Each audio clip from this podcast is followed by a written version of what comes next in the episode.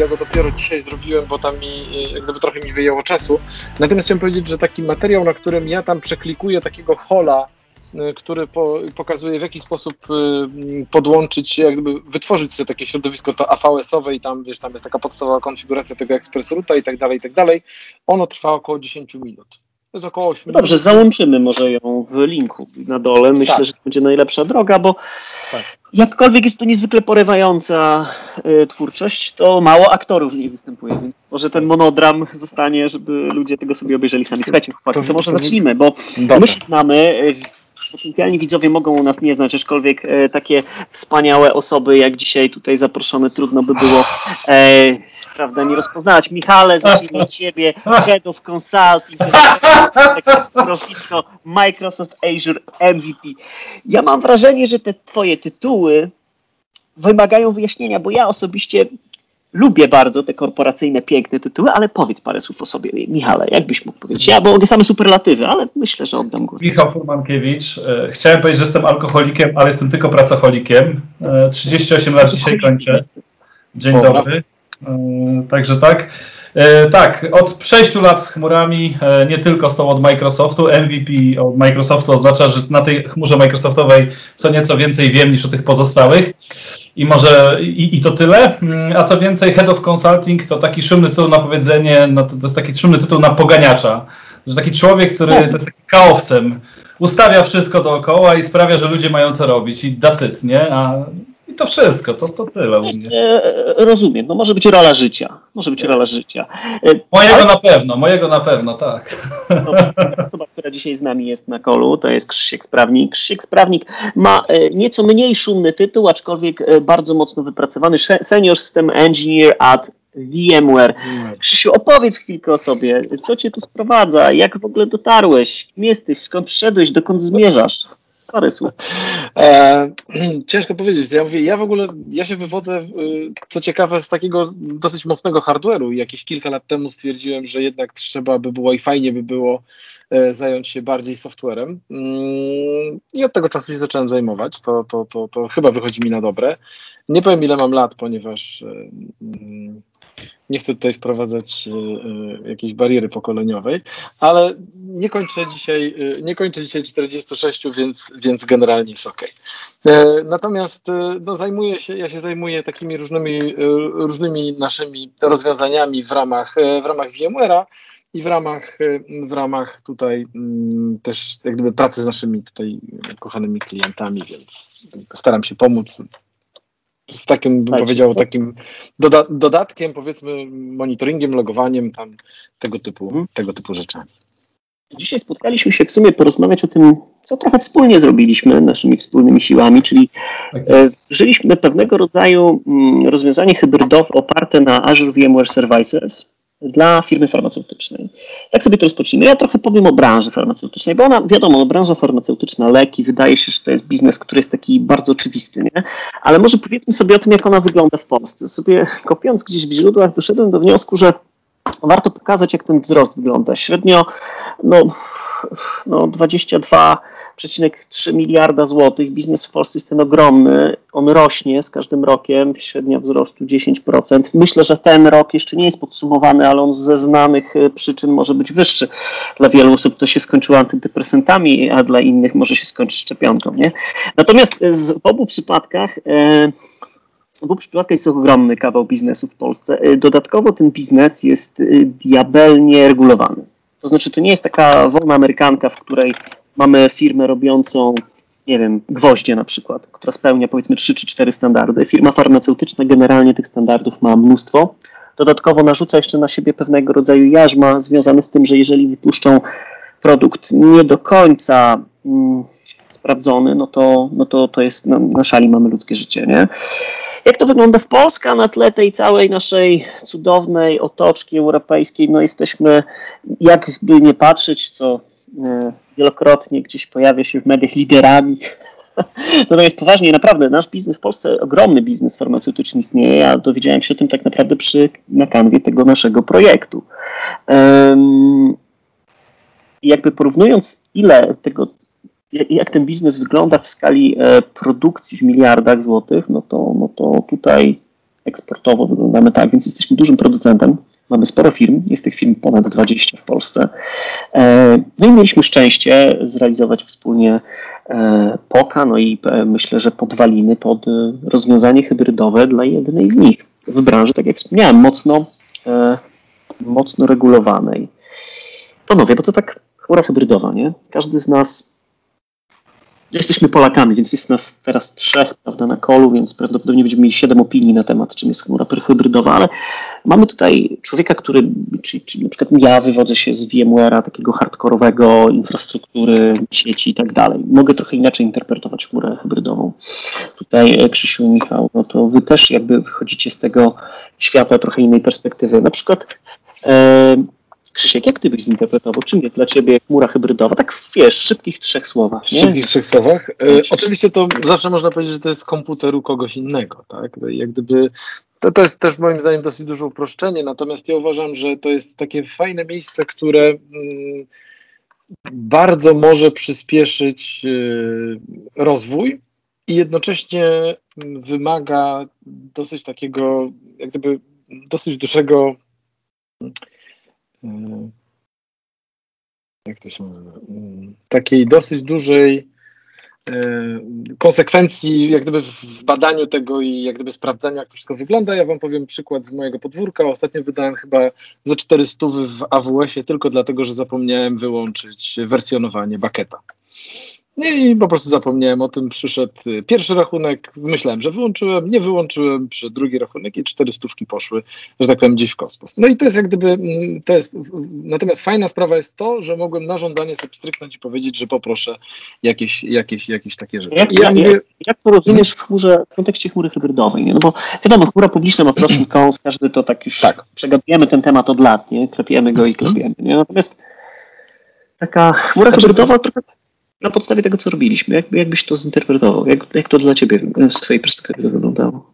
Wiesz co, znaczy z mojej perspektywy to ja może to, ja może to zabrzmi dziwnie, ale dla mnie chmura hybrydowa w tym ujęciu, któreśmy zrobili, to, to dosłownie wygląda tak, jakbyśmy normalnie mieli z drugiej strony e, prywatne data center e, klienta. Tyle. I tak. to mówię, to było, iluzja jest kompletna. To jest tak, że że po prostu to nie są droidy, których szukacie, po prostu macie drugie data center, które, uwaga, ma jakąś taką magiczną przebitkę do tych wszystkich cudownych usług cloudowych, które gdzieś tam w środku leżą. A tak mówię, to z mojego punktu widzenia wyglądało to zupełnie jak, jak, jak dobrze znane terytorium, na którym biegamy. Michał, a, a, ty jak? No bo ty jesteś bardzo cloud native, nie? Znany jesteś z tego, że od lat już to jest twój główny, główny konik. Jak ty byś to opisał? Też może troszeczkę w kontekście tego produktu. Jak ty to widziałeś? E, I to jest dobre pytanie. Ja myślę, że to jest trochę tak, ale to mnie challenge'ujcie, że trochę wymyślamy jako vendorzy, znaczy ja nie jestem już vendorem, tu mamy Krzyśka jako, jako vendora. Microsoft i, i, i, i vendorzy wymyślają trochę te pomysły, a trochę to, co się udaje z nimi zrobić u klientów, to jest już trochę niestety inwencja nas, czyli wdrożeniowców, tak jak ciebie, Macie i mnie, i klientów. Bo umówmy się, że vendorzy e, często patrzą na świat trochę inaczej niż, niż my w, takim życiu już e, klienckim. Ja myślę, że to jest trochę tak jest możliwość, jest potrzeba, niekoniecznie cała wyrażona, a jak się to skończy, to pewnie za dwa lata zobaczymy, czym się naprawdę skończy. Bo ja widzę kilka use case'ów, ale myślę, że jeszcze no parę use case'ów jest nieodkrytych. Tak zupełnie szczerze. Myślę, że dopiero je odkryjemy razem z klientami. No dobrze, panowie, no to mamy sobie taki setup, w którym z jednej strony mamy te, powiedzmy, rozszerzenie, e, taki data center augmentation, nie? Trochę mhm. podejść, nie? Czyli mamy, powiedzmy, nie inwestujemy w budowę własnego data center, tylko wybieramy sobie swoistą, zautomatyzowaną kolokację u hyperscalera, czyli generalnie firmy, która ma zasoby, nie? która raczej zakładamy, że one się no, akurat dla nas nie skończą nie? w jakimś tam stopniu. No i dobrze, i pojawił się ten case, Michał, bo w sumie to ty jesteś taką trochę sprawcą tego zamieszania związanego z tą chmurą hybrydową. Jak się pojawił ten case w ogóle e, u tego akurat, e, u tego akurat klienta i możliwe, że u innych również z tym samym powodem?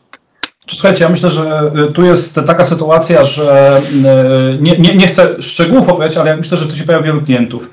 Kochamy VMware'a, umiemy VMware'a, lubimy nad nim pracować, chcemy wykorzystać e, chmurę publiczną, ale nie chcemy inwestować bardzo dużo od razu w konwersję całego naszego stosu, a przy okazji zapakowaliśmy dużo pieniędzy w rozwój, w narzędzia e, automatyzacji świata, świata maszyn wirtualnych, tak? który jest zresztą ciągle bardzo fajnie automatyzowany, bardzo fajnie odkształcalny. to skoro cloud publiczny oferuje takie możliwości, a my szukamy po pierwsze, jak trochę zautomatyzować nasze data center, a trochę jak zbudować nam trochę szybciej i taniej drugą serwerownię, przepraszam za kolokwializm, w świecie chmury publicznej, to może połączmy te światy. I to moim zdaniem jest właśnie taki pierwsze pryncypium, którego szukamy. Drugie pryncypium jest takie klasyczne. Słuchajcie, dzisiaj e, transformacja dużych firm farmaceutycznych jest super trudna, bo jest dużo różnych technologii w takiej firmie. I ja myślę, że pierwszy etap to jest właśnie, pomyślmy może, wyniesiemy te środowiska do VMware'a w cloudzie, być może potem skonwertujemy to na nieco inne środowiska, wykorzystujące też natywne, pasowe usługi chmurowe, a może będziemy budowali Kubernetesa, może będziemy budowali coś innego, ale to wymaga czasu. A być może docelowo rozciągniemy sobie VMware'a, bo będzie to nas najłatwiejsze, a tylko niektóre workloady będą w chmurach publicznych natywnie pisane. I tu jakby myślę, że dzisiaj CEO szukają jeszcze, co będzie dla ich firm takie najlepsze, efektywne kosztowo, ale też pozwoli ich aktualnym ludziom się dostosować. Bo ja myślę, że trzeba powiedzieć jeszcze jedną rzecz. Chmura publiczna to nie jest łatwa rzecz. Sorry, to dzisiaj nie jest łatwa rzecz. 160 usług w Azurze, prawie 200 w AWS-ie, 60 w Google. No nam zajęło dużo czasu, żeby się tego nauczyć. A co mają powiedzieć klienci, którzy tego nie robią 24 na 7? No to jest dla nich jeszcze trudniejsze, prawda? No taka jest, taka jest bolesna prawda. Wiesz, dodatkowo, dodatkowo mają stos, nie? Swój własny, tak, nie? Tak nie wejdę w słowo, nie? No bo też trzeba powiedzieć, że jeżeli robimy greenfieldowy projekt, nie? No to taki cloud native powiedzmy, który wynika z tego, że nie mamy bagaża doświadczeń, pewnego tak naprawdę install base'a, który ze sobą ciągniemy przez lata. No i nim też się trzeba zajmować. Trudno się odciąć od ERP-ów, które istnieją na przykład w takiej formie i nagle, wiesz, musimy sobie z nimi poradzić.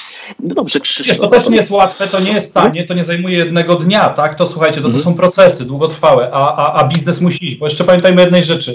Choćbym ja dzisiaj z Krzyśkiem i z tą Maciej wymyślił najbardziej zarąbisty pomysł na architekturę dowolnej organizacji. Na koniec dnia my jako IT jesteśmy tylko usługodawcą usług, które potem generują jakąś wartość na koniec rynku. A w firmie farmaceutycznej wstrzymanie procesu produkcyjnego guys, no to są pieniądze, które są nieobecne. Wiecie, że nawet ja... zmiana w procesie jest trudna, no bo tak. ta regulacja nie jest tylko w procesie produkcji, ona jest na warstwie nawet procesu nie. w firmie.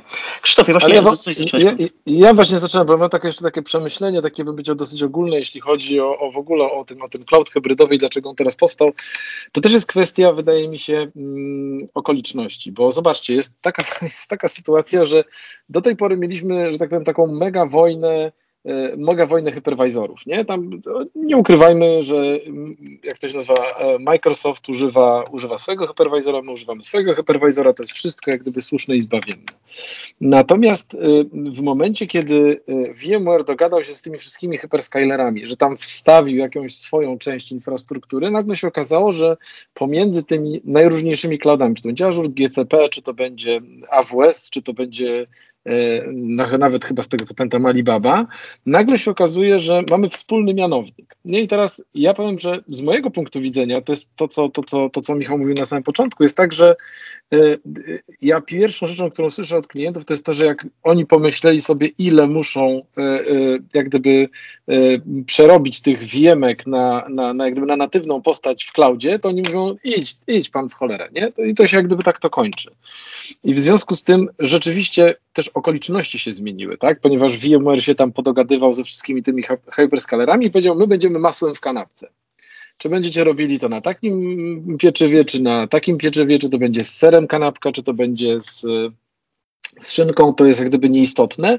Natomiast, y, żeby coś, co konstytuuje kanapkę, jest po prostu masłem. Nie? I jak gdyby trudno sobie zrobić kanapkę z dwóch kromek chleba. zatrzymać na chwilę, bo zaraz no. może przejdziemy do kwestii tego no, zamarzania piekła, nie? czyli VMware w Azurze, nie? To brzmi tak. trochę absurdalnie, tak. pierwszy rzut oka. Za chwilę, bo, bo, Słuchajcie, piekło już dawno zamarzło, to jest kolejny lot Linuxa na desktopie w Windowsie, więc umówmy się, że tam... Nie, nazwijmy rzeczy, no gdzieś tam e, ta idea, która się w wielu osobach przez te dziesiątki lat no, jednak lgnie, nie? że to, jest, to są dwie rozdzielne firmy, które ze sobą walczą, ale tak naprawdę łączy je biznes, nie? I, prost, i biznes jest prosty. Jeżeli wszystkim się to zapina, no to siłą rzeczy technologia musi to dogonić, tak jak Michał powiedziałeś, że IT jest w sumie tylko dostawcą, nie?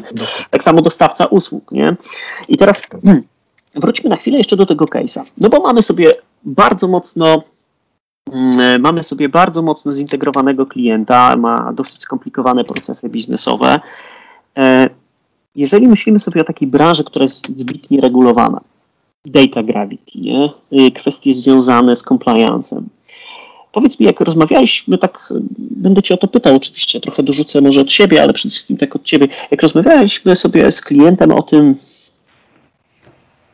jak zrealizować ten projekt, to ja pamiętam taką rozterkę, którą miał na początku w ogóle nad tym, czy to podoła pod względem, wiadomo, wydajności, różnych rzeczy technicznych, ale bardzo mocno chodziło o to, że on miał problemy z tym, czy to będzie wystarczająco compliant, nie? I Michał, jak, jak żeśmy tak tutaj realizowali to, jak podchodziłeś w zasadzie w tej części rozmowy do niego, że go w sumie ty przekonałeś do tego, że okej, okay, słuchajcie, spróbujmy, spróbujmy pójść do przodu, nie zróbmy te małe POC, zrób, połóżmy pierwszą cegiełkę, żeby złamać w ogóle myślenie, że to nie działa. Jak to, jak to, jak to było?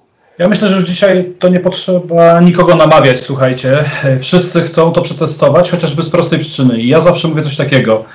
Sprawdźcie to choćby dlatego, żeby wiedzieć, dlaczego nie chcecie z tego korzystać. Wiem, że to jest trochę ale, ale mówię szczerze, dlatego że jeżeli my mamy wpływać na to, jak mają zdefiniować sobie strategię nasi klienci, to oni muszą rozumieć namacalnie, czym ta usługa jest, a czym nie jest. Jak działa, w jakich scenariuszach, gdzie się nadaje, a gdzie nie. Ja nie jestem, mimo wszystko, że moja firma nazywa się prawie tak jak chmura, nie jestem osobą, która mówi, każdy projekt ląduje w cloudzie. To jest pierwsza rzecz.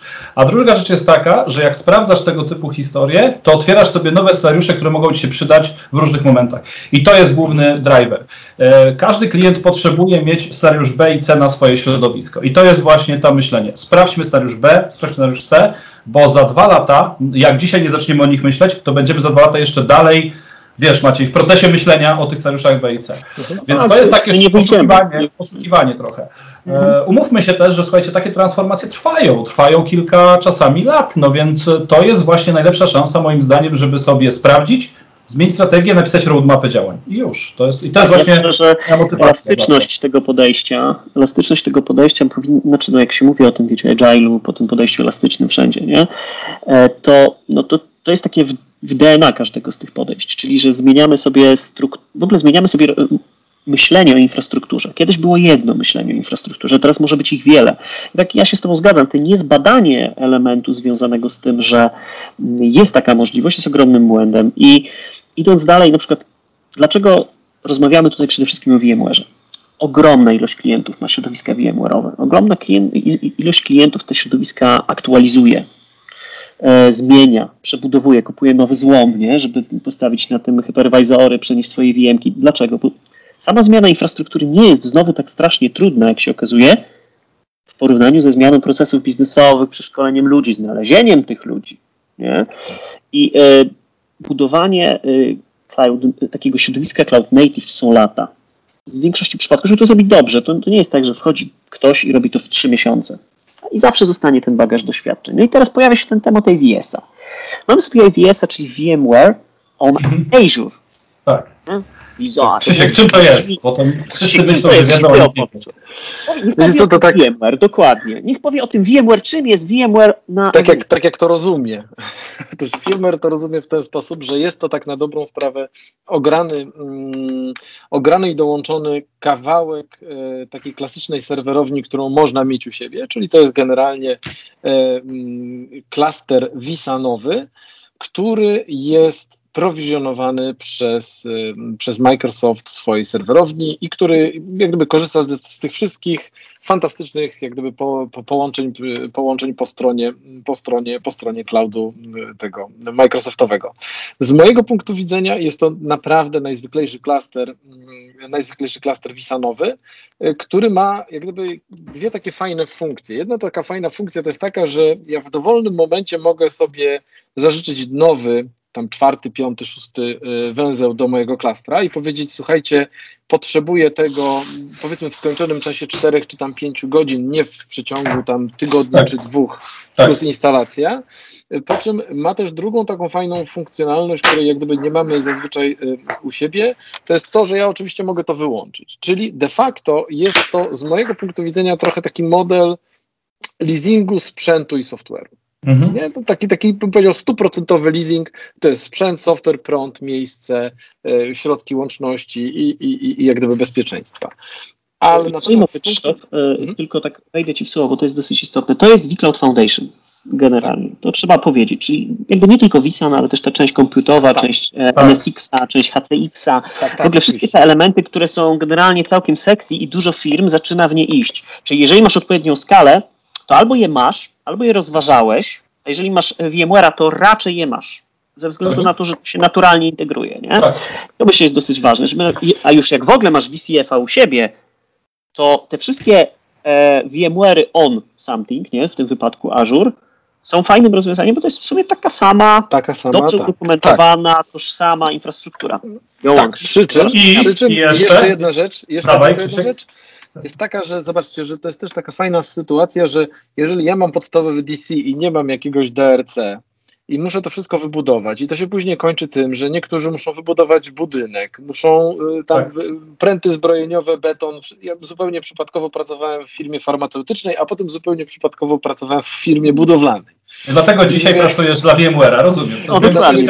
Ogarniasz budowlankę i farmację, tak, rozumiem. To tak. sektory. Jako, jako młody informatyk na przykład nosiłem komputery na budowę, na budowę metra w Warszawie, więc budowałem metro warszawskie. Natomiast y, chodzi o to, że te procesy, tak jak mówicie, one, one po pierwsze trwają, po drugie wymagają ludzi, a po trzecie nagle się okazuje, że zamiast na przykład budowy drugiego data center, możemy powiedzieć, nie chłopy, weźcie, odpalcie to po prostu gdzieś indziej, i zobaczymy, jak to będzie wyglądało. Tak? Poza tym, y, jak gdyby pomimo, jak gdyby niektórzy mogą powiedzieć, że oczywiście dla mnie uruchomienie środowiska samemu z mojej karty kredytowej tam w Azurze, to, to, to nie jest może, jak to się nazywa, najlepszy pomysł. Natomiast z punktu widzenia, gdyby musiał wybudować do tego serwerownię i przygotować to wszystko, może to okazać zdecydowanie tańszym rozwiązaniem. Tak. Tak. Ja, ja pominę jeszcze kwestię kosztów, słuchajcie, bo mm. z kosztami jest tak, że dla jednego jest drogo, dla drugiego jest tanio. To jest tak. wtórne. To, to jest ważne, aczkolwiek wynika może trochę innych pobudek. Natomiast dochodzi jeszcze taka kwestia, że uruchamiano pewnych usług e, w cloudzie, tak jak myśmy to robili może na samym początku, czyli taki lift and shift i przenoszenie do takiego cloud native, czyli tak jak na przykład do AWS-a, nie? Bierzesz sobie mm. VM-kę z VMware'a i robisz z niej EC2. No jest tragicznym pomysłem, nie? No, nie Wielu się nie, przekonało.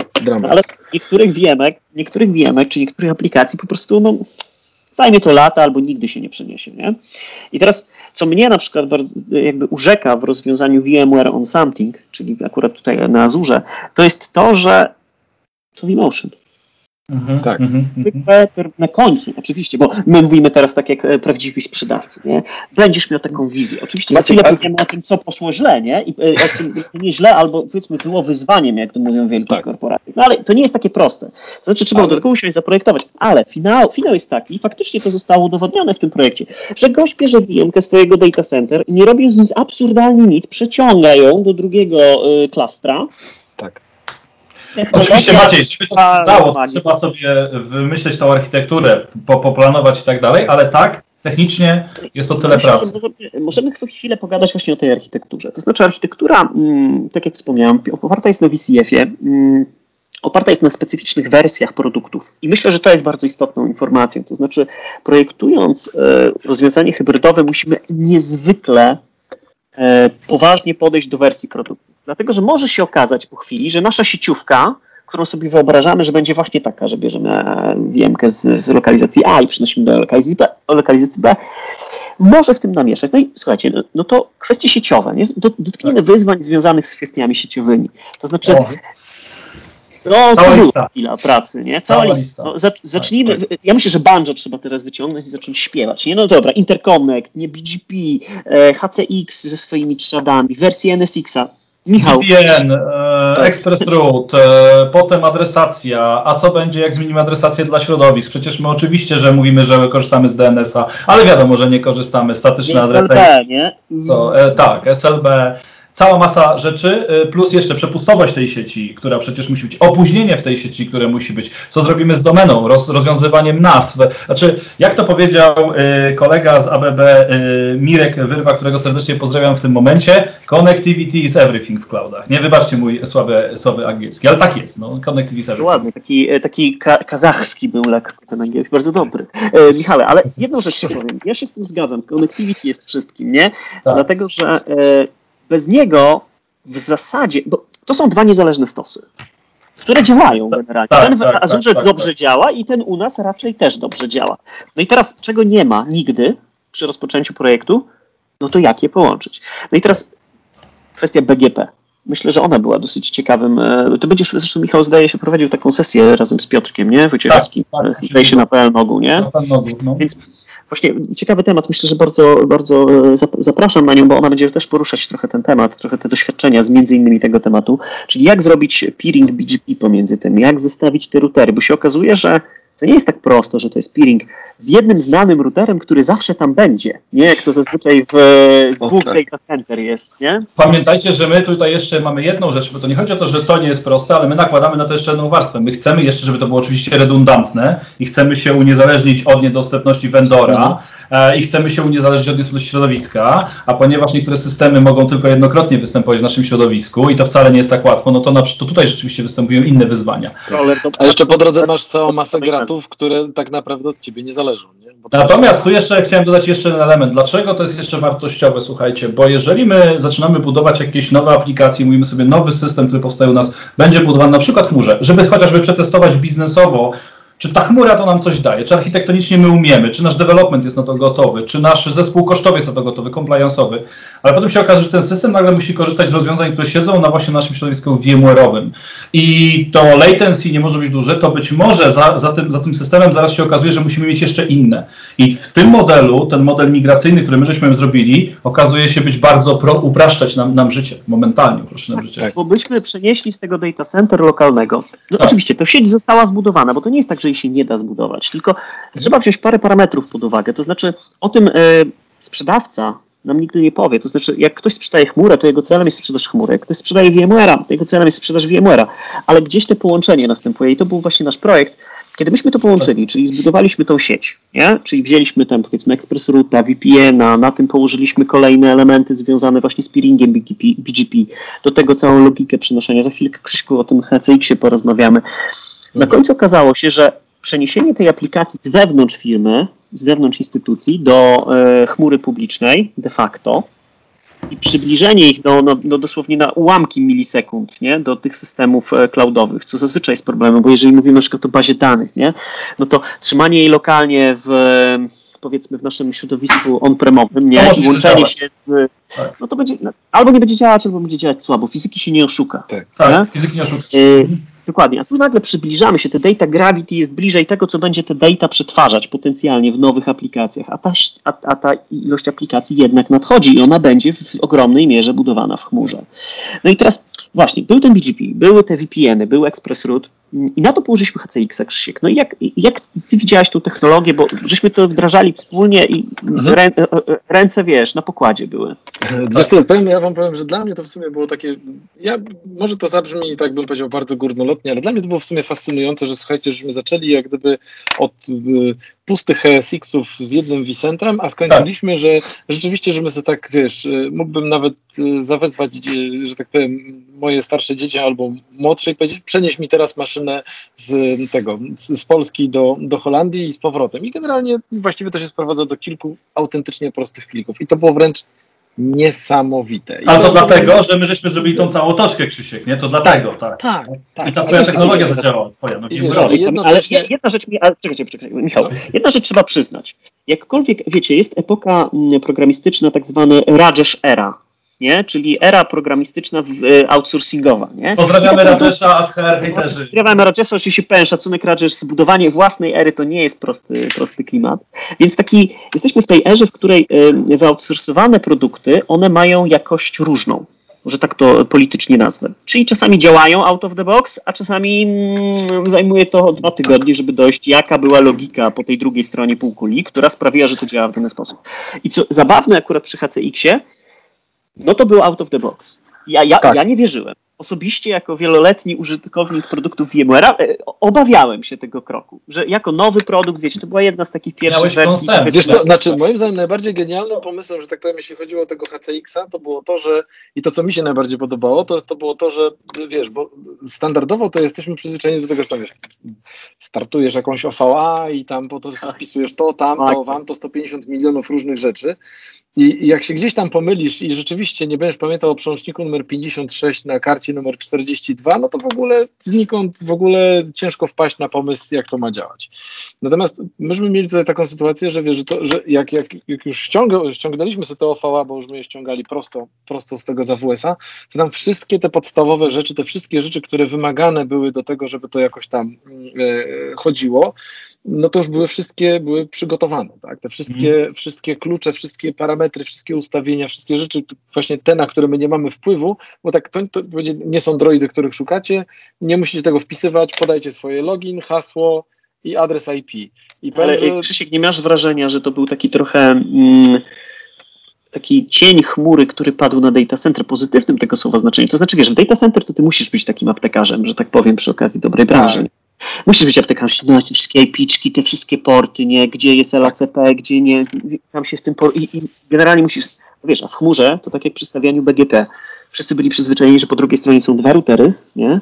I one zawsze tam są te same, nie? Ale się okazało, że tak nie do końca jest, że wszystko tam śmiga, nie? I nie jesteś tak. w stanie tego kontrolować. I nagle się okazuje, że zmiana w charakterystyce pisania oprogramowania, nawet do rozwiązań on-premowych, poniekąd już zaczyna korzystać z tego modelu, że ty nie musisz wiedzieć wszystkiego. Nie? Tylko musisz popierać rzeczy, które od ciebie tak. nie zależą. To jest nietypowe. Mhm. To było nietypowe. Ale Maciek, słuchajcie chłopaki, ja mam do was pytanie. Składaliście ostatnio swój własny samochód? No właśnie. Ja, ja, ja, ja, wiesz co, ostatnio nie. Ostatnio jakoś zapomniałem. Ostatnio intercooler nie, mi nie doszedł, nie? Wiesz. Znaczy, nie, masz rację, nie? No, czy my standaryzujemy po usługi e, i wchodzimy na inny poziom? Niektórzy mówią, że skoro tak wszystko wystandaryzujemy, to nie będzie co robić. Ja myślę, że to jest absolutnie błędne spojrzenie. Będzie jeszcze więcej pracy, bo to wszystko jest coraz bardziej skomplikowane, natomiast zobaczcie, my żeśmy weszli na zupełnie inny poziom. Jak jeszcze chwilę temu e, ktoś oczekiwał, że jak coś wstanie w, w tydzień, to jest w ogóle szybko, to dzisiaj jak coś wstaje w parę godzin w organizacji bankowej bardzo mocno regulowanej, mówią, a nie da się w 15 minut. No da się, to przyspieszmy proces, tak? tak? Nasze oczekiwania totalnie wzrosły. Ja pamiętam, jak budowałem pierwszą chmurę prywatną, nazwijcie to jak chcecie, 2014 rok, pozdrawiam kolegów z jednego z banków w Polsce, to, e, to przyspieszenie do 4 czy 6 godzin było dla nich wzrostem geometrycznym, bo to było kilka tygodni versus parę godzin. Dzisiaj my rozkładnie, ja umiem, ja, czyli osoba związana z dużo z technologiami nie hardware'owymi, potrafię w 4 godziny dostać klaster VMware'owy y, w, w cloudzie na fizykach z dyskami NVMe, to zasuwa niesamowicie i ja jeszcze potrafię to sobie skonfigurować. Dla mnie to jest, to jest inna jakość życia troszeczkę. Dokładnie, bo nagle okazuje się, że y, sam zresztą dobrze to powiedziałeś. Jeszcze parę lat temu mówiliśmy o technologii, a teraz zauważ, sam coraz więcej w swoich wypowiedziach, czy tutaj, czy, czy w ogóle takich publicznych i też między nami, rozmawiamy zobaczcie o procesie. Co się zmienia w naszej percepcji, nawet jako takich integratorów, nie, poniekąd, y, architektów, y, vendora. My nie rozmawiamy o tym, że ej, słuchaj, będziesz miał szybszy serwer. To, to generalnie kogo nie interesuje. Nie? Super super, fajnie, że będzie szybszy, no, ale jak ja będę tak. dowoził na nim, nie? jak ja będę na nim produkował infrastrukturę szybciej, to jest pytanie, jak będzie ten proces wyglądać.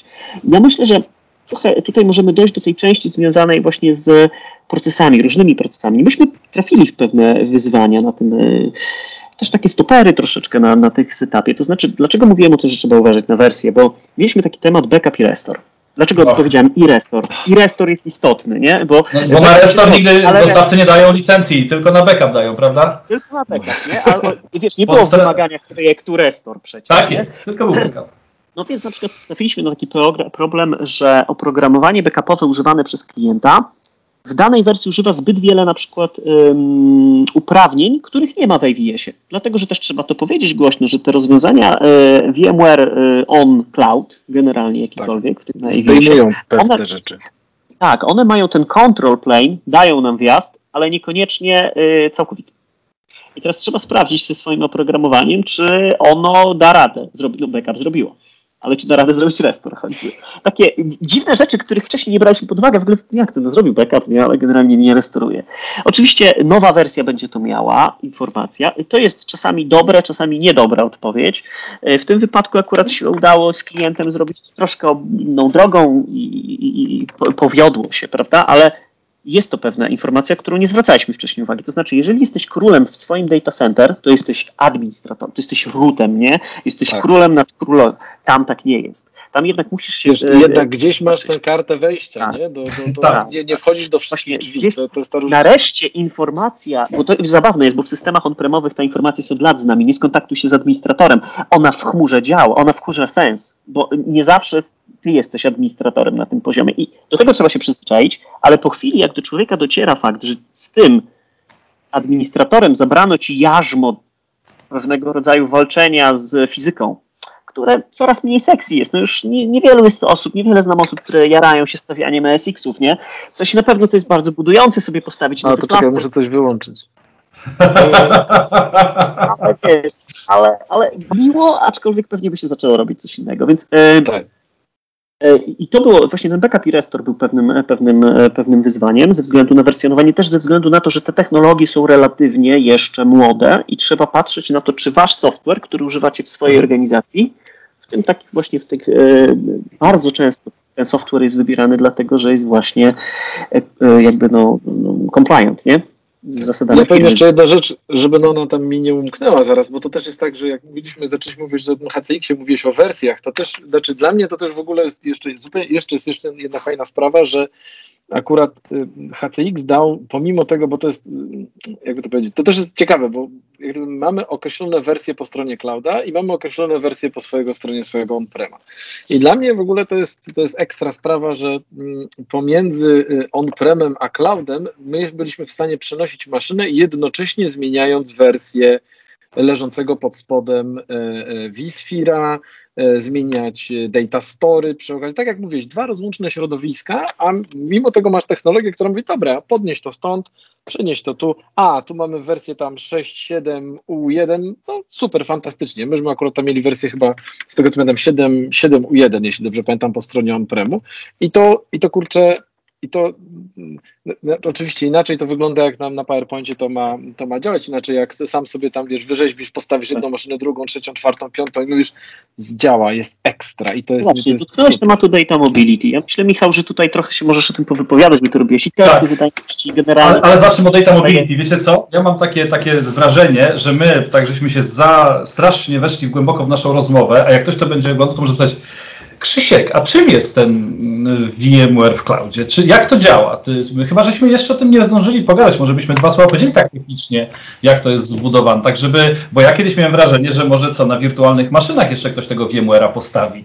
Oczywiście byłem. Okej, okay, okay. już zaczęliśmy mówić, zaczęliśmy mówić, nie skończyliśmy. Bo to jest też jak gdyby moja tak. wina, że zakładam, że wszyscy wiedzą, jak to, jak to wygląda. Otóż, tak otóż formalnie wygląda to w ten sposób, że ten hyperscaler dostarcza Wam fizyczne graty. To znaczy jest określona specyfikacja maszyny, jedna, druga, trzecia. Są cloudy, które umożliwiają też modyfikację tych maszyn, tak? Czyli tam na przykład trochę więcej dysków, trochę więcej RAMu, troszkę inne procesory, ale generalnie sprowadza się to do, do wyboru jakiejś tam a la carte dwóch, trzech y, konfiguracji i z tych konfiguracji budowany jest automatycznie w środku w, u Hyperskylera jest budowany klaster wisanowy ze wszystkimi tymi rzeczami fizycznych tak. maszyn, tam, tam dostajecie własne vCenter e, w Microsoftie w Azurze. To zresztą później damy, jak tam dam, dam linka do Hola, to będzie można sobie przeklikać, tam się do tego do, dostawia jakiegoś jumpboxa, żeby się do tego dostać i tak dalej, i tak dalej. Natomiast taki look and feel jest, jest, jest ta, ta iluzja jest kompletna, tak? Czyli po prostu macie własne vCenter, macie własne hosty. Mhm. Tak jest. Ja tylko jedną rzecz powiem, bo Michał to myślę, że jest istotne, bo tak, tak. to są twoje hosty. To są twoje hosty. Tak. Twoje. Tak. To był jeden element tego compliance'a, bo Wiadomo, Twoje dedykowane, ale, stojące tak. w znanym regionie, wydzielone od innych e, tak, klientów. Za, żaden klient tam nie jedzie swoich bitcoinów, nie? Tak. I jednocześnie zauważcie, że te, te, te hosty są oczywiście odpowiednio poukładane w rakach, w odpowiednich, w oddzielnych tam power domainach. Czyli wiesz, no, to trochę inaczej wygląda, bo ja na przykład, ja czasami rozmawiam z ludźmi i mówię, no dobra, mamy tam klaster wisanowy, mamy trzy maszyny, buch, wszystko do jednego raka, będzie fantastycznie działało. Natomiast w takim, e, w takim Azurze, czy w ogóle w jakimś hyperscalerze, to w ogóle te maszyny nie są po pierwsze w jednym raku, czyli jeżeli coś ci tam strzeli, to wiadomo, że strzela ci tylko i wyłącznie e, jak gdyby jedną z trzech maszyn, a jeżeli masz sześć maszyn, to równie dobrze może się okazać, że one leżą w sześciu rakach, nie? To jest coś, co, co bym powiedział jest jak gdyby zbytkiem w budowaniu swojego data center, no chyba, że masz sześć raków, w którym możesz sobie bardzo tak. ładnie rozłożyć klaster wisanowy, nie? Ale też wiesz, sześć raków na sześć serwerów, nie? Bo czasami się tak. okazuje, że wiesz, polska skala projektu jest tak. taka, no że sześć serwerów generalnie zamyka 96% projektów, nie? W szczególności takich tak. serwerów, bo to też trzeba powiedzieć, że te serwery nie są jakimiś takimi bączkami, nie? One mają mnóstwo RAMu, procesory Platinum, to, to są serwerki, które generalnie myślę, że takie trzy czy cztery w setupie, naprawdę większość e, powiedzmy potrzeb takich niewielkich, relatywnie niewielkich z amerykańskiego punktu widzenia Zjadają. organizacji zjadają na śniadanie i to też zostaje Wiesz co, ale na to, to wyszło, nam podczas, wyszło nam podczas tych badań performansowych. To Michał to powie, że normalnie Tak. było tak, że, że, że klient miał po swojej stronie macierze, które tam były takie, one były akcelerowane. dolarów, e, tam, Tak. e, tego, wszystkie cuda. I mówi zapierdacza jak złe, tak, po stronie tego, tego clouda i mówi, pomimo tego już siedzę tam te 1200 kilometrów stąd przez konsolę, przez, y, przez konsolę widzę, że jest szybciej, nie? Tak, To- tak, to tak. też- No, dyski No w końcu A wiecie, z drugiej strony, z drugiej strony jak masz, wiesz, takie środowisko, twoje prywatne środowisko zbudowane właśnie z takich maszyn, jakie, jakie macie, jeżeli można je rozbudować w tej chwili, z tego co pamiętam, najnowsze to są 96 maszyn, to ustalmy fakt, 96 maszyn to jest jakieś, nie wiem, z 2,5 tysiąca, 2600 korów w tej chwili? To, Mhm. to nie jest mało, nie? To, to, to, to rzeczywiście zjada takie zasoby, znaczy zjada to jak gdyby potrzeby naprawdę dużych organizacji. Słuchajcie, jest, jest też taka zasada y, tak zwanego wysłania dziecka do szkoły. To znaczy, póki się dziecka nie wyśle do szkoły, to się myśli, że ono jest geniuszem, nie? A później się spotyka inne dzieci, okazuje się, że ono jednak potrafi, ktoś inny potrafi szybciej liczyć, nie? Że ktoś inny tam, y, wiesz, szybciej biega, nie? A kiedy Mhm. dziecko siedzi u ciebie w domu, to, to jest najszybszym dzieckiem, nie? Więc to też jest tak, że jak ty zobaczysz swoją infrastrukturę, którą tam piściłeś cały czas, ale generalnie nie, no nie masz kontaktu, powiedzmy, z tą taką turbo najnowszą technologią, albo limitowany, o jakieś parę milionów złotych jest limitowany, nie? Tak. Bo trzeba to wydać, żeby ją dostać. I ona już nie jest najnowsza. Tak. No to tam nagle dostajemy najnowszą, nie? I, I to się okazuje, że ona jest szybsza, nie? I to nie dlatego, że my coś schrzaniliśmy, tylko po prostu ma lepszy sprzęt spodem. Tak, fizyki się nie oszuka znowu. I wiesz, z tego powodu też, że oni kupują to, wiesz, kontenerami czy tam tirami, wiesz, to, to wagony przyjeżdżają tego sprzętu i generalnie też, jak gdyby można powiedzieć, że tam wyrabiają swoje marże na tym, nie? Bo to też, też, też jest prosta sprawa, nie? Ale wróćmy na chwilkę jeszcze do tego data mobility, do tego Tak. przenoszenia. To jest troszeczkę związane z tym przenoszeniem aplikacji. To znaczy na końcu już postawiliśmy tak, powiedzmy, uruchomiliśmy tą usługę, postawiliśmy tą całą Tak. konfigurację sieciową, zbudowaliśmy logikę VMware'a. Mamy sytuację, w której przychodzi, e, przyszedł do nas klient i powiedział tak, słuchaj, no to ja mam aplikację i tam zdaje się były chyba dwa takie scenariusze, nie Michał? Takie, że pół na tej stronie, pół Tak, e, aplikacji tak, po tej tak. stronie. Opowiedz proszę troszkę. E, Tam były rzeczywiście dwa scenariusze w tym sensie, że mm, taki scenariusz klasyczny, który chcieliśmy zrealizować, to mamy wyzwanie w naszym data center.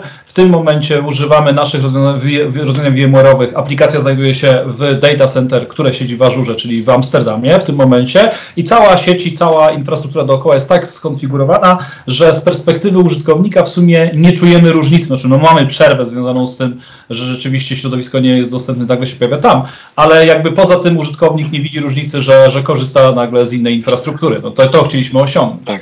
Natomiast druga kwestia, którą chcieliśmy osiągnąć, to sytuacja trochę trudniejsza. Mamy szereg aplikacji i niektóre z nich z różnych względów znajdują się w środowisku chmurowym i tam będą, to będzie ich macierzyste miejsce pracy. One ewentualnie wrócą do on-premises, gdyby co. Natomiast potrzebują rozmawiać sobie ze środowiskami on-premises w różnych obszarach. I to jest jakby ten drugi wymiar, gdzie musimy dosyć dobrze pomyśleć, które środowiska jak rozłożyć i które będą mniej bądź bardziej wrażliwe na opóźnienia, na latency, na, na przepustowość danych właśnie w takiej e, hybrydowej e, konfiguracji. To, co żeśmy też badali, to też może być ciekawe, e, że badaliśmy czas potrzebny nam na przeniesienie środowiska ze środowiska on-premises do chmury, zwrotnie, i badaliśmy też, jak długo to środowisko w tym procesie będzie niedostępne, jaką przerwę ewentualnie wywoła, jeżeli oba środowiska są dostępne w tym samym czasie, ale my chcemy sami przenieść rozwiązanie. Ja nie będę w tym momencie wartości, Maciej, przyznaję, natomiast ja pamiętam sytuację taką, gdzie żeśmy chyba z perspektywy użytkownika biznesowego stracili jedno połączenie. HTTP, słownie jedno połączenie Ja HTTP, pamiętam, że czy to już jedną sesję. Mhm, proszę. Tak, że mieliśmy najwyższą chyba, e, ten taki najwyższy rygor, któryśmy sobie wprowadzili, to chyba, żeśmy, z tego co pamiętam, to żeśmy stracili chyba ze dwa pingi, tak? Ja widziałem to od tak. strony pingów Tak. i powiem, że to był taki, taki jaw dropping e, experience, jak to się tak, tak mm, 1200 km przelatuje aplikacja, nie? Tak. Okazuje się, że gubi dwa pingi. No Można by, wam, wam, wam chyba nawet nie, e, klient powiedział, że mi chyba nawet nie zrzuciło tej sesji terminalowej, bo po prostu się Tak, w tak, ogóle że on nie zauważył. tego. Nie zauważył, mówi, Ale e, na, nawet mu myszka tam nie stanęła. nie? mi się bardzo podobało też takie, bo to też trzeba wziąć pod uwagę, że wiele organizacji e, regulowanych ma też potrzebę powrotu. To znaczy, Mhm. wiecie, ciało bliższa koszula, to znaczy fajny ten cloud, przetestujemy, zobaczymy, dostaniemy pierwsze 50 rachunków, nie, pogodzimy się z faktem otrzymywania rachunków co miesiąc, a nie w jednej sprzedaży. Jeżeli organizacja to przeżyje, to tam pewnie zostaniemy, Przeżyje. ale jeżeli nie przeżyje, no to musimy wrócić. Ale też Tak. na przykład banki mają taką potrzebę, nie? że muszą mieć e, możliwość powrotu do własnych e, infrastruktur, samo te mm, e, farmaceutyczne firmy. No i to dokładnie w tą samą stronę działa jakby do, stamtąd, nie? Do siebie, z powrotem. I to myślę, że to jest bardzo ważne, bo często robiąc e, migrację do chmury, e, ludzie mówią o lo lockingu, ale ja uważam, że to jest przesada, nie? Natomiast w pewnym stopniu, jak wszędzie się lokujemy w technologii, tutaj zalokowaliśmy się lata temu w technologii VMware'owej, wszyscy się z tym pogodzili generalnie. Tak, standard rynkowy, stał się to standard rynkowy. Stał się standardem rynkowym, więc obracamy się dalej w tym loku, tylko powiedzmy dostajemy rachunki od różnych vendorów. I to jest dosyć komfortowa sytuacja. A już nowe e, systemy robimy w trybie multicloudowym na przykład, nie? Piszemy je w Cloud Native, na kontenerach, nie wiem, na serverlessie pewnym, żeby to rozrzucać powiedzmy pomiędzy różnymi, e, różnymi e, chmurami. I też się godzimy na pewnego rodzaju podejście. Każde podejście będzie wykazywało log. Ja zawsze mhm. zwalczę z stwierdzeniem, że to będzie taki lockdown. Zawsze się robi lockdown. Kupujesz samochód, to na 5 lat masz lockdown, nie? Na samochodzie pewnym. Więc myślę, że, y, że nie ma się co tego tak strasznie obawiać, bo Pierwsza, aplikacja może przyjść do chmury i z niej wrócić w taki sam sposób, gubiąc dwa pingi. E, po źle zadbamy o całą resztę, tak jak zawsze tak, mówimy, nie? Zadbamy o całą resztę, tak. To, to, to jest, no, tak jak mówię, myślę, że szczegóły to y, może się kiedyś pokusimy jeszcze o zrobienie y, czy notatek, czy, czy, czy jakichś postów tak. blogowych, które będą trochę... Natomiast, żeby nie skończyć tak jeszcze, słuchajcie, żeby ten temat kosztów jeszcze skończyć, ja chciałem powiedzieć o jednej bardzo ważnej rzeczy. Z Maciejem pracowaliśmy też dla innego klienta w tym samym obszarze, nie możemy niestety powiedzieć dla jakiego, ale ten klient akurat zrobił estymacje sobie kosztowe na 3 i 5 lat, uwzględniając bardzo wiele czynników. I wyszło mu, że ten model kupowania od e, tej infrastruktury AWS-owej w chmurze od VMware'a w takim modelu, w jakim to jest, nawet jeżeli musi to kupować właśnie na rok z góry, czy na 4 z góry, i tak go stawia w dużo lepszej pozycji finansowej, niż gdyby miał rozbudować swoje aktualne data center z wielu powodów. Kwestia budynków, kwestia infrastruktury, kwestia tego, że musi jednak utrzymywać ten budynek niezależnie od skali, jaka tam będzie pracowała. Więc w tych procesach DR-owych wydaje, okazuje się, że gdy się zrobi taką pogłębioną analizę finansową, ponegocjuje z vendorami, to tu można wiele zyskać.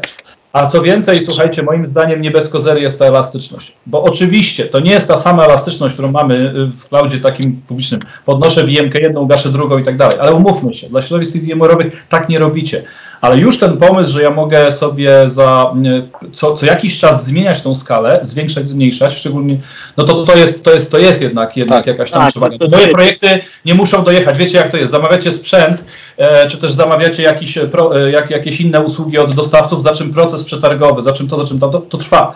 A tutaj jest, możemy to jednak skompresować. I tam, gdzie są instytucje regulowane, gdzie ten proces regulowany, jeżeli my raz przejdziemy przez ten proces, to potem potrafimy to dużo lepiej, dużo lepiej robić. Nie? Jeszcze, jeszcze jeżeli mogę tu dodać pewne stwierdzenie, to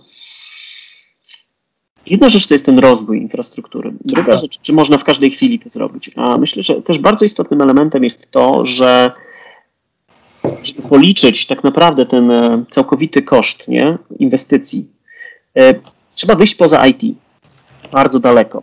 Tak, to nie są moje koszty. Tak. To my koszty, to administracja, nie? Whatever. To jest inny worek pieniędzy, nie? Ale jeżeli jesteś takim właścicielem, takim, nie wiem, powiedzmy prezesem zarządu, może nawet w Radzie Nadzorczej istniejesz, albo jesteś no, właścicielem firmy, to ciebie nie interesuje to, że to jest inny budżet, bo generalnie to się wszystko zbiera z jednego konta. I mhm. teraz, jeżeli patrzymy na to w całościowo, to, e, to tak jak mówisz, Michał, budynki, e, zmiana procesu.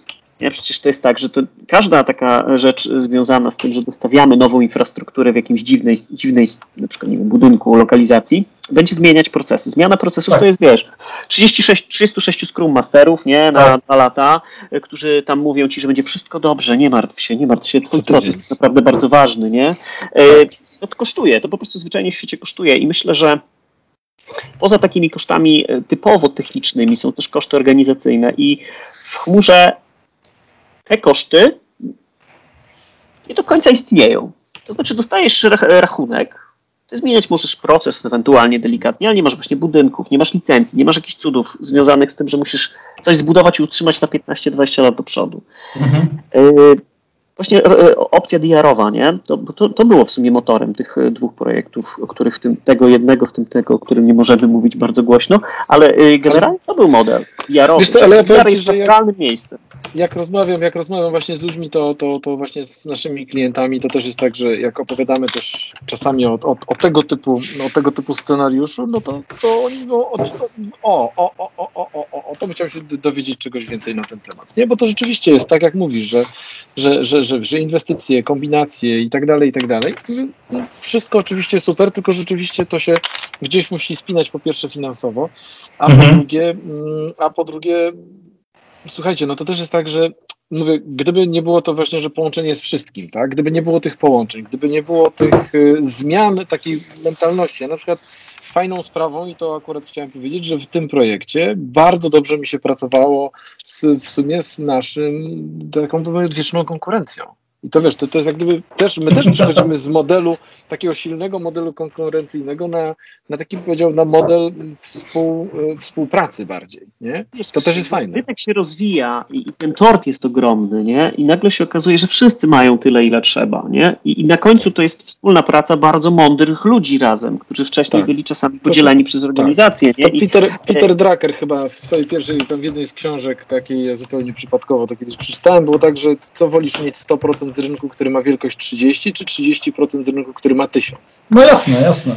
tak, i dokładnie chyba to zostało nagle dostrzeżone. To też widać w zmianie rozmów e, no, CEO wielkich e, korporacji.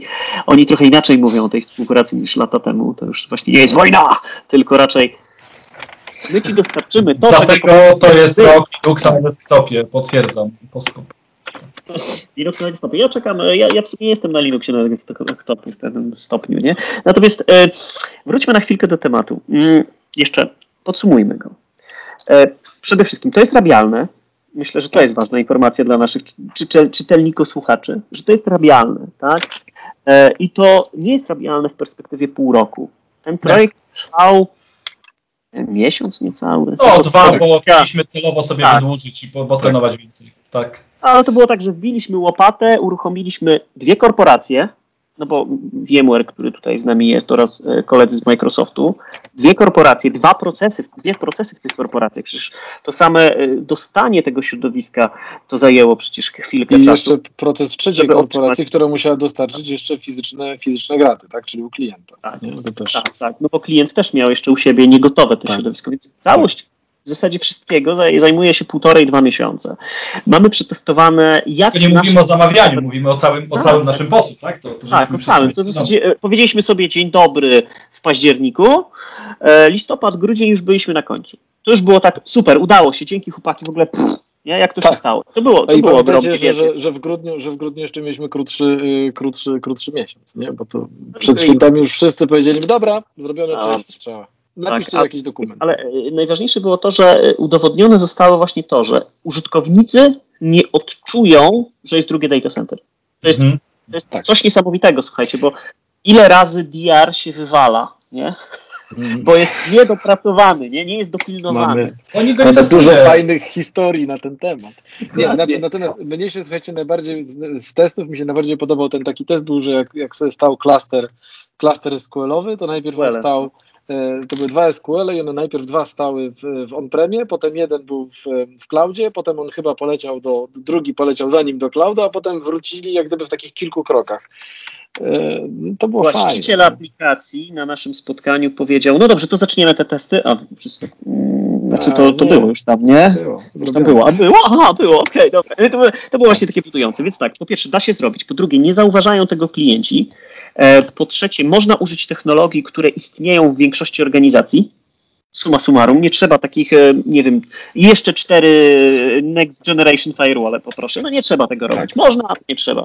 E, Do tego myślę, że bardzo istotne jest to, że poza zmapowaniem wiedza. potrzeb Jest Tak, jest wiedza, wiedza, jest wiedza, ludzie jak to wiedzą. robić. Tak. Wiedząc, co są ich rozwiązania backupowe, e, załatwiamy problem takim czymś przeniesienia, e, zbliżenia danych do rozwiązań cloud native wpisanych w chmurze, a nie odwrotnie, że one się będą Mhm. łączyć do naszego on-prema i, i czemu to tak wolno działa? No a czemu to tak wolno działa? No masz 17 milisekund typie, dlatego tak wolno działa, nie? No więc e, jakby e, myślę, że to jest też ogromnie ważne. Uruchamiamy innowacje przez to, że oni mogą zacząć używać tej chmury blisko, de facto, bo mają te dane tam, więc jakby nie ma już tej całej rozmowy, a jak my z tego skorzystamy, jak my się z tym połączymy, jak... wszystkie te pytania architektoniczne, one się upraszczają bardzo naturalnie. No i mamy DR, nie? Mhm. No i dodatkowo Tak. jeszcze... A wiecie co, ja jeszcze przy tej okazji jeszcze zauważyłem taką, taką dosyć, wydaje mi się dosyć ciekawą sprawę, nie wiem czy, czy się ze mną zgodzicie, ale ja widzę coś takiego, że są rzeczy, które, w których cloud jest w ogóle nie do pobicia. Nie, jak na przykład pójdziesz i, i, i na przykład powiesz, jak uruchomić e, wirtualną maszynę machine learningową na Ubuntu z driverami NVIDIA, to nawet goście z Google'a zrobią tak, o Jezu, że to jest, że to jest, że to jest jakiś problem, nie? Natomiast, znaczy, też nie do, nie do przeskoczenia. Natomiast cloud jest doskonały w takich miejscach, który szybko dostarcza ci nową funkcjonalność, która, nie wiem, jest jeszcze może nie do końca, znaczy ona już jak gdyby osiąga możliwość produkcyjną, jak gdyby, ale ona nie jest jeszcze gotowa do tego, żeby wylądować w on-premie. Natomiast kiedy będziecie mieli, kiedy, kiedy rozmawiamy na temat właśnie takich rozwiązań hybrydowych, to jest właśnie o tyle fajne, że a, no dobra, no to dzisiaj ten machine learning zaczął nam dobrze działać w on-premie, więc możemy zacząć powoli się tam wycofywać z pewnymi rzeczami, na przykład do on-premu, bo z jakiegoś powodu będziemy chcieli to robić u siebie lokalnie, nie będzie szybciej, niska latencja, 100 milionów Nieważny powodów. jest powód. Ma, jest taka możliwość. Wiesz, to chodzi też o to, że masz bezpiecznik nie, w głowie. To znaczy, Tak. że zawsze możesz wrócić do środowiska, którego korzystałeś przez lata. A nie, że to jest taki one-way ticket, nie? A później drugie Tak. tyle ci będzie kosztować powrót. Więc ja myślę, że to jest ogromnie ważna, e, ważna rzecz. E, Michał, czy, czy ty jeszcze widzisz tutaj takie rzeczy ze swojej perspektywy, które chciałbyś poruszyć tak w podsumowaniu? Co jeszcze osiągnął klient de facto? Jak, no, Ja myślę, że osiągnął jedną rzecz, e, przede wszystkim opcję dla siebie. On już nie jest dzisiaj tym klientem, który przed tym mówił o tym w, w, na poziomie teorii, koncepcji i nie powtarzał tego, co marketing vendorów powtarza, tylko on to zrobił, przetestował, osiągnął pewne zyski, wie, co działa, co nie działa, jest w zupełnie innym miejscu. A co więcej, gdyby miał ten projekt robić drugi raz i już naprawdę, to moim zdaniem z niewielką pomocą zarobiłby to sam. Bo też transfer wiedzy, który my żeśmy zrobili, który, którego nie doceniamy, jest gigantyczna wartość. Słuchajcie, no widać, że tego typu klienci potem mają ochotę na więcej, bo też nie ma co ukrywać. W naszej branży my sprzedajemy wiedzę. Czy pracujesz dla kogoś, czy pracujesz na własny rachunek, my sprzedajemy wiedzę na koniec dnia. Tylko tyle mamy. I teraz im lepiej tą wiedzą umiesz zarządzać, im szybciej ją po, pozyskujesz, tym jesteś lepszym, docenianym bardziej pracownikiem na rynku. Ci goście też pozyskali wiedzę, gigantyczną, na wszystkich poziomach. I właśnie tak powiedziałem, pozyskali opcje. Tak, hands-on. hands-on, tak, hands-on, nie, Tak, nie, hands-on. nie na slajdach, nie na slajdach, Tak, tak? I na slajdach, że wiecie, jestem. Sp- Dokładnie, i to właśnie w swoim środowisku e, udowodnili biznesowi, że jest ta droga. Biznes też był zaskoczony. Myślę, że to też było bardzo fajne doznanie, że i, i techniczni byli równie zaskoczeni, że to tak poszło, i biznes równie zaskoczony, że w sumie pomysł może wypalić. Co ciekawe, to się kontynuuje projekt, więc to też trzeba powiedzieć, że on się e, idzie, mam nadzieję, w stronę produkcji już pełnej. Ja, Michale, no tutaj czekamy e, na to, jak wszystkie prace pójdą, jak to wszystko pójdzie do przodu. To będzie bardzo fajne doznanie, bo przenoszenie pełnych procesów biznesowych, a nie tylko udowadnianie tego działania, to jest kolejny krok, który na pewno pewno się wydarzy. Ale E, tak, tak, też chciałem powiedzieć, że rzeczywiście to duże podziękowanie tam dla załogi e, jak gdyby całego, całego tego poca jest taki, że, że, że każdy się od każdego trochę czegoś nauczył. To jest też jedna rzecz. To jest takie, Tak. takie moje jak gdyby spostrzeżenie. Drugie moje spostrzeżenie to jest takie, że rzeczywiście mm, administratorzy y, i tam zespoły administracyjne, to jak gdyby też nie można mieć takiej percepcji, że wiesz, tylko siedzą i tam starają się naprawić y, karty w, Tylko DevOpsi, Terraform, nie? Bo to też jest też tak, że wiesz, taka jest Tak. percepcja, że tam jest tylko Terraform, DevOpsi, nie? Oni wiesz, skrumują, Tak, to cisną Ale mówię, się. Nie. widać, że to też wyszło dzisiaj podczas dzisiejszej rozmowy, że też mówię, trzeba wiedzieć parę rzeczy, bo rzeczywiście y, pomoc administratora, który Tak. zna swoje podwórko jest nieoceniona, to też ja bym chciał Tak. gorąco tu mu podziękować. A trzecia taka sprawa to jest to, że widać też, że y, y, y, y, działy IT, które y, nie chce już właśnie siedzieć przy tym, tym klasycznym żelastwie, tak, i po prostu pilnować żelastwa, też nagle okazuje się, że znajdują bardzo fajne nowe pomysły i nowe sposoby na, na, na- na, poszerzenie wiedzy. Nie? To, jest, to jest ekstra, wiesz, tak w obserwowaniu i myślę, że y, parę lat pracy właśnie w takiej, w takiej hybrydzie i będziemy mogli się od nich my uczyć. Zdecydowanie. I, ty, i, ty, I tym kończymy, słuchajcie. To Tak. jest dobre na koniec. Bardzo, bardzo, bardzo Wam dziękuję za to, że Bardzo dziękuję. w naszym wspólnym projekcie. Jeszcze raz mówimy, to działa, należy to dobrze zaprojektować, e, no i wspólnie wdrożyć. To jest najważniejsze. I się coraz więcej tego dzieje właśnie w Europie. To Tak. też fajne. Dokładnie. Też fajne. Nie tylko w Stanach, tylko właśnie tutaj w Europie. Fajnych klientów. Także. Dziękuję Maciej. Ja również bardzo dziękuję. Trzymajcie się. Dzięki, Do zobaczenia. powodzenia. Cześć. Cześć, cześć.